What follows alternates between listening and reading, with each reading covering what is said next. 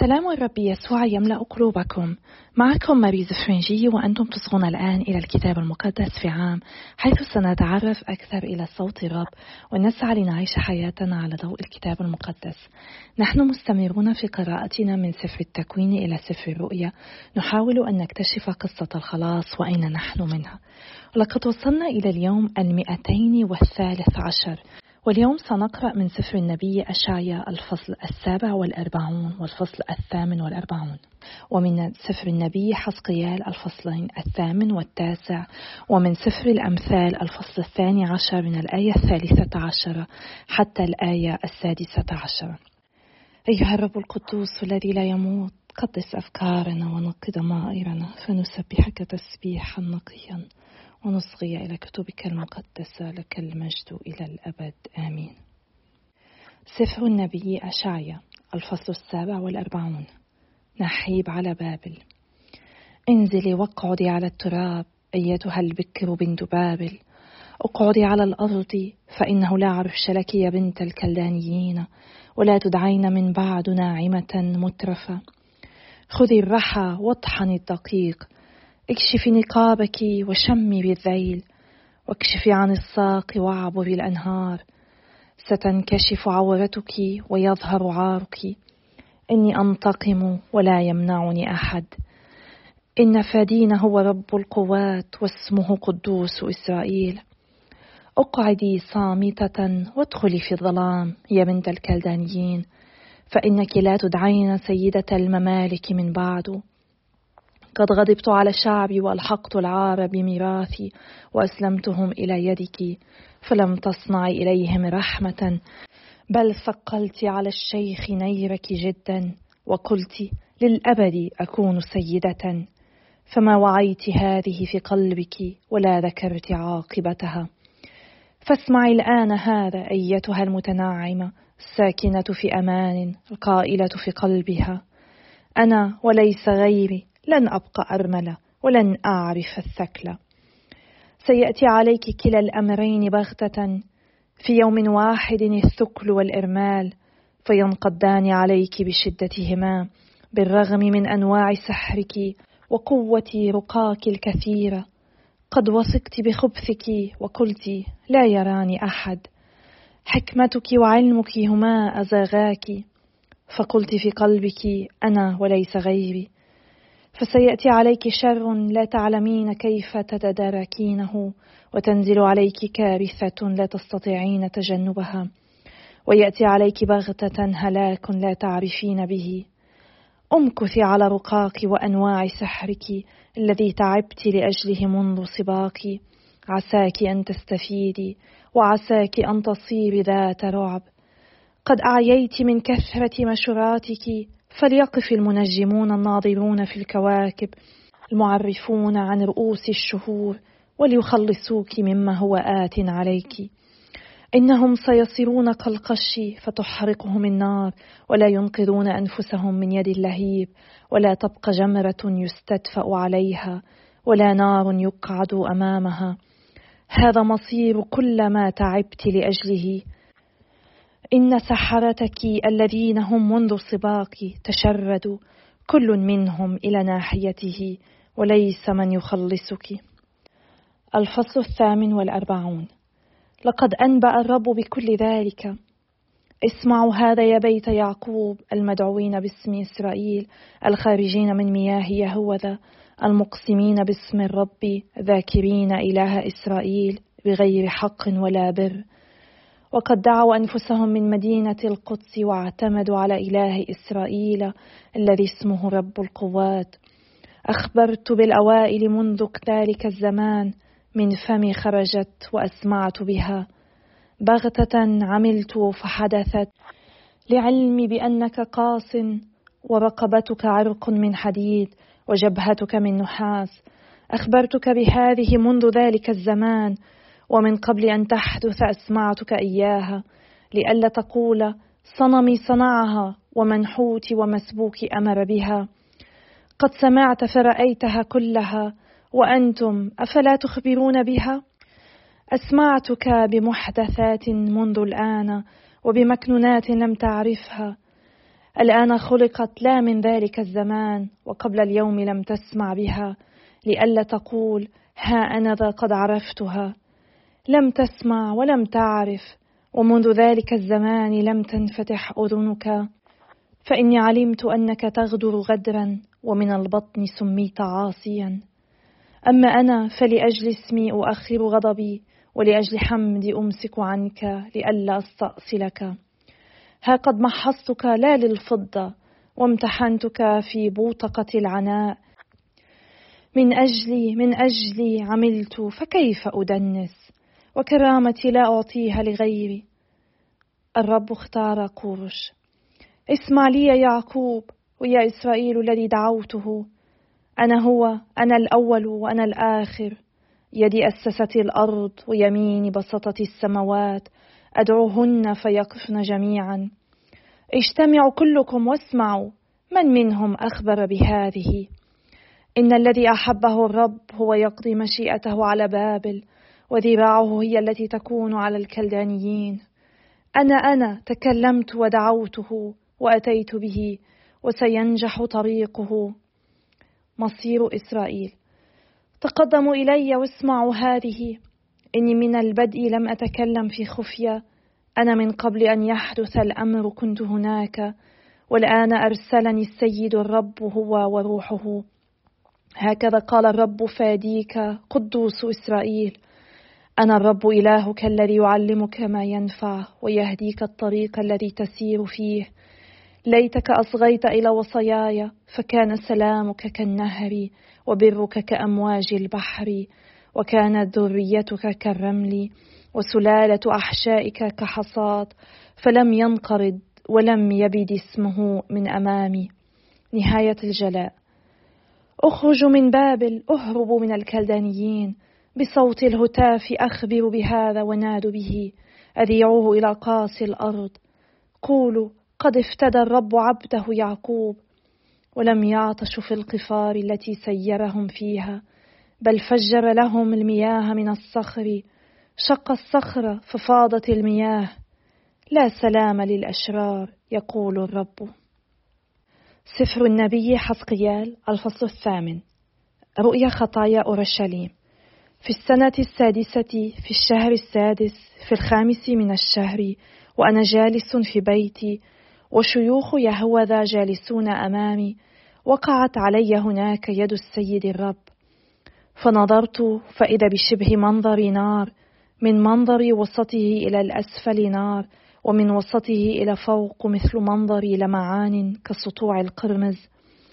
فأرسل شكل يد وأخذني بناصية رأسي ورفعني الروح بين الأرض والسماء وأتى بي إلى أورشليم في رؤى إلهية إلى مدخل الباب الداخلي المتجه نحو الشمال حيث منصب صنم الغيرة الحامل على الغيرة.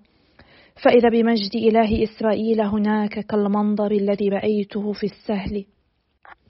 فقال لي يا ابن الإنسان ارفع عينيك نحو طريق الشمال فرفعت عيني نحو طريق الشمال فإذا عن شمال باب المذبح صنم الغيرة هذا في المدخل. فقال لي يا ابن الإنسان أرأيت ما يصنعون؟ القبائح العظيمة التي يصنعها بيت إسرائيل هنا لأبتعد عن مقدسي.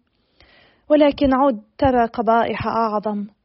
ثم أتى بي إلى مدخل الدار فنظرت فإذا بخرق في الحائط فقال لي يا ابن الإنسان انقب الحائط. فنقبت الحائط فإذا بمدخل فقال لي ادخل وانظر القبائح الخبيثة التي يصنعونها هنا. فدخلت ونظرت فإذا كل شكل من الزحفات والبهائم القذرة وجميع قدرات بيت إسرائيل مرسومة على الحائط على محيطه وقد وقف أمامها سبعون رجلا من شيوخ بيت إسرائيل.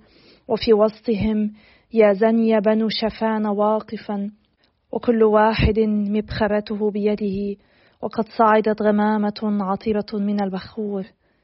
فقال لي أرأيت يا ابن الإنسان ما يصنعه شيوخ بيت إسرائيل في الظلام كل واحد في مخدع منحوته؟ فإنهم يقولون الرب لا يرانا الرب قد هجر الأرض. وقال لي عد ترى قبائح أعظم يصنعونها. ثم أتى بي إلى مدخل باب بيت الرب الذي هو جهة الشمال. فإذا هناك بنساء جالسات يبكين على تموز. فقال لي أرأيت يا ابن الإنسان؟ عد ترى قبائح أعظم من هذه. ثم أتى بي إلى دار بيت الرب الداخلية. فإذا عند مدخل هيكل الرب بين الرواق والمذبح نحو خمسة وعشرين رجلا ظهورهم إلى هيكل الرب ووجوههم نحو الشرق وهم يسجدون للشمس نحو الشرق.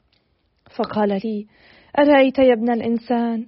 أقليل لبيت يهوذا أن يصنعوا من القبائح ما صنعوه هنا؟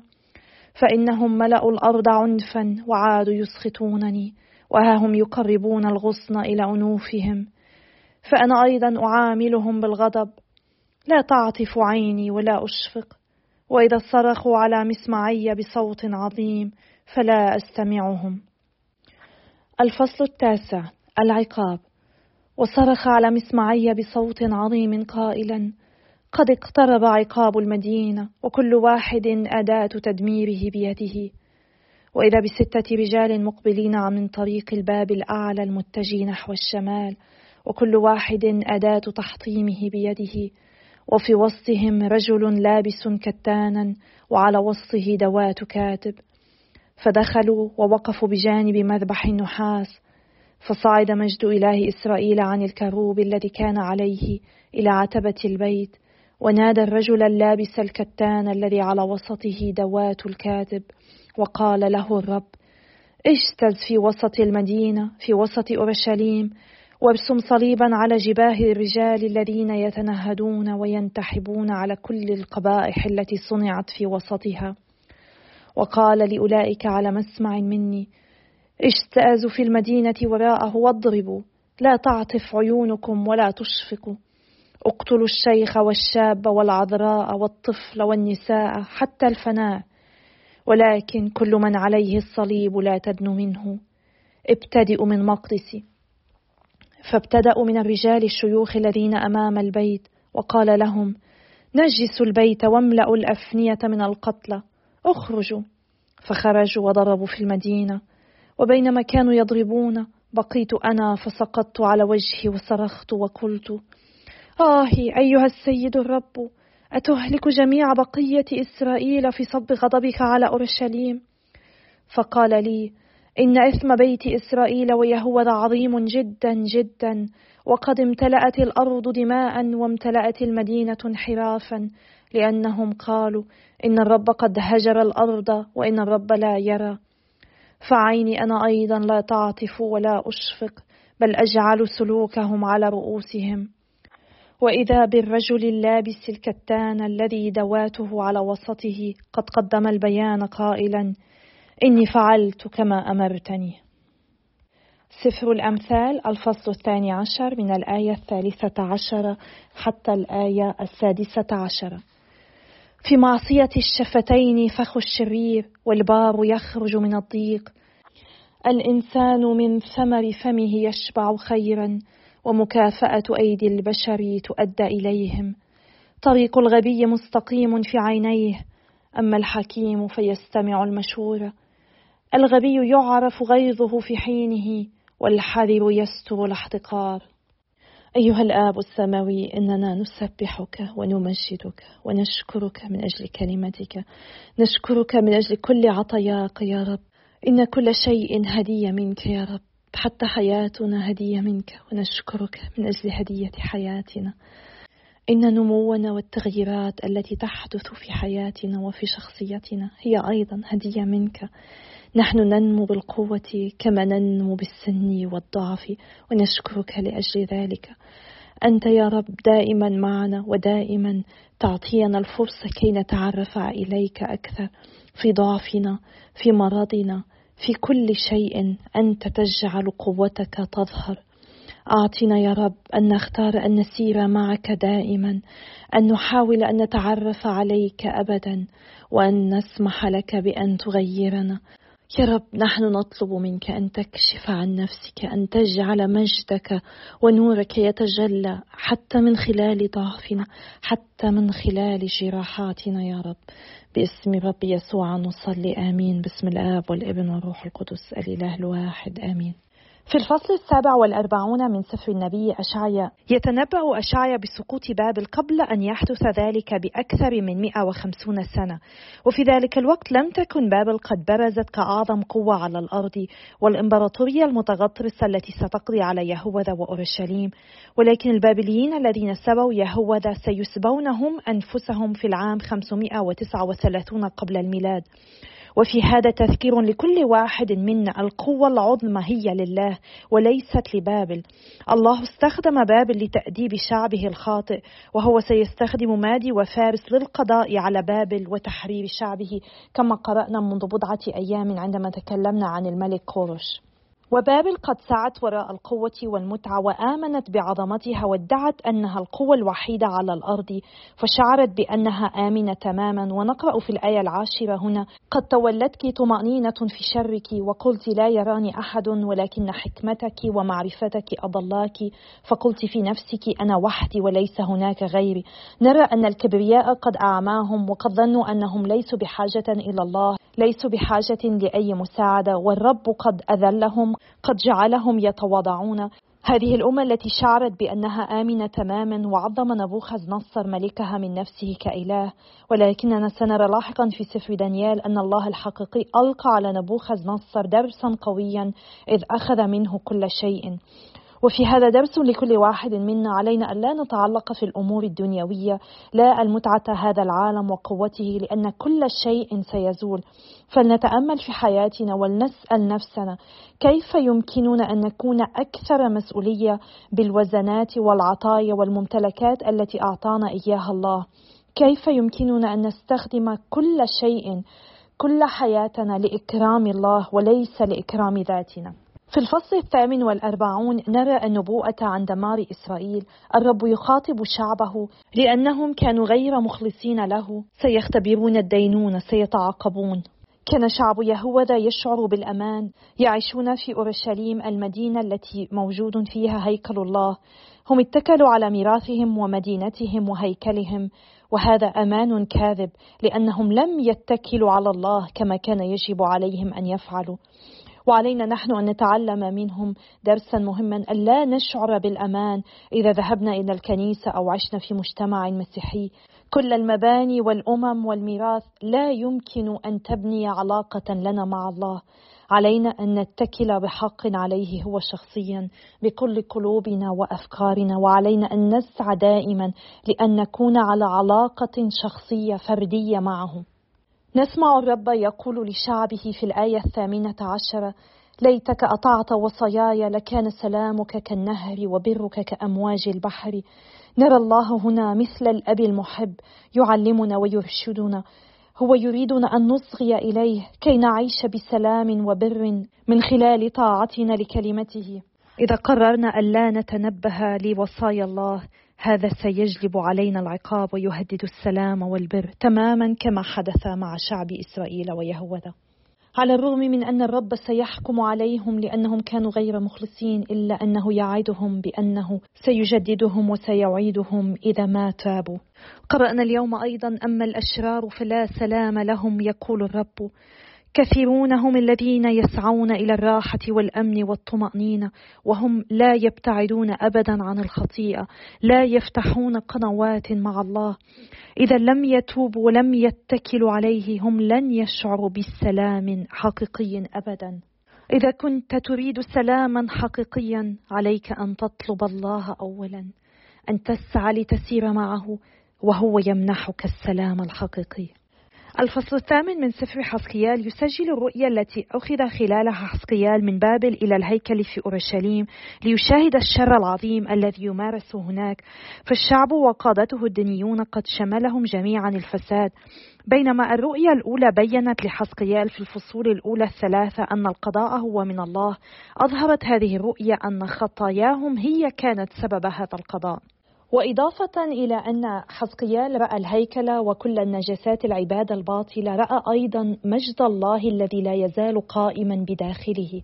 بينما غدا سنرى أن مجد الله قد غادر الهيكل وهذا أمر مأساوي. نلاحظ أيضا مرات عديدة الرب ينادي حزقيال ابن الإنسان بعض الترجمات تكتب ابن آدم. وفي هذا التعبير ابن الإنسان أو ابن آدم تذكير على الفارق بين الله وبين حزقيال. ومن المدهش أن نرى الله يختار أن تتم إرادته الإلهية على الأرض من خلال كائنات محدودة تشوبها النقائص. الله صنعنا من تراب الأرض ومع ذلك هو يختار أن يضع فينا حياته ونسمته ويطلب منا أن نخدمه. هو ليس بحاجة إلينا لكنه يستخدمنا. لأجل إنشاء ملكوته على هذا الأرض ولخلاص النفوس. هذا التعبير الذي يذكرنا بأننا مجرد بشر سيأخذ معنى آخر في سفر دانيال الفصل السابع. عندما سيصبح وصفا للشخص الذي سيسلمه الله كل سلطان وقوة والرب يسوع يشير إلى نفسه على إنه ابن الإنسان. متمما الوعد في سفر دانيال الفصل السابع بنيل القوة والسيادة والمجد من الله. الفصل التاسع من سفر حسقيال يقدم لنا صورة للعقاب الآتي. فبعد أن شاهد حسقيال كيف فسدت أورشليم نادى الله رجلا ليجنب الأقلية الصغيرة الأمينة الويلات الآتية ثم دعا ستة آخرين لذبح أشرار المدينة. وقد صدر هذا الحكم بأمر من الله نفسه. ويوصف هذا الرجل على أنه مرتد كتانا وعلى خاصرته دوات كاتب. ودوات الكتابة من الأدوات المألوفة في أيام حسقيال عبارة عن لوح طويل ضيق به يستخدم للكتابة على الرقوق أو الطين الجاف. والكتان الذي كان يرتديه هذا الرجل هو دليل على كهنوته. وقد طلب الله من الرجل حامل ادوات الكتابه أن يضع علامة على أولئك الأمناء نحو الله والذي حدد أمانتهم هو حساسيتهم وحزنهم على خطيئة الأمة. وهذه العلامة كانت هي الحرف العبري تاو على شكل صليب وعندما شرع السته رجال في تدمير الأشرار خلصوا هؤلاء الذين كانوا حاملين هذه العلامة. الذين كانت على جباههم علامة الصليب. وهذا يذكرنا بما حدث أثناء الخروج عندما وضع العبرانيون علامة الدم على أبواب بيوتهم على العتبة العليا والقائمتين لينجوا من الموت. وكما سنقرأ لاحقا في رؤيا يوحنا في الأيام الأخيرة سيضع الله علامة على جباه الذين سيخلصوا وكذلك الشيطان سيضع علامة لأتعابه الذين سيهلكوا. وعندما يعاقب الله الخطيئة هو لن ينسى وعده بحفظ شعبه. لذلك أثناء المعمودية يقوم الكاهن أو الشماس والوالدان والعرابان بوضع علامة الصليب على جبين الطفل علامة انتمائهم للرب كذلك في بداية زمن الصوم يرسم على جبيننا علامة الصليب من الرماد تذكيرا لنا بما قرأناه اليوم في حسقيال وأيضا بأن هذا الأمر يشير إلى صلاح الرب الذي سيضحي بحياته من أجلنا الذي سيقبل بالموت حتى الصليب من أجل أن يخلص كل واحد منا. إن الله قد خطط لذلك منذ زمن بعيد وهذا الأمر رائع. إنه لا يعجز على إنسان أن يخطط لهكذا أمر. الله يحبنا الله صالح وما فعله هو رائع لأنه يريد فقط أن نكون معه. إنها لعطيه لنا أن نستطيع اليوم وكل يوم أن نصلي أن نتأمل أن نقرأ كلمة الرب أن نصغي إلى كلمة الرب وأن نفهم أكثر عظم حبه لنا. إن صلاتي لكل واحد منا أن نسمح لكلمة الله أن تدخل إلى أعماق حياتنا أن تغيرنا تغير الطريق الذي نسلك فيه تغير الطريق الذي نحبه تغير عالمنا.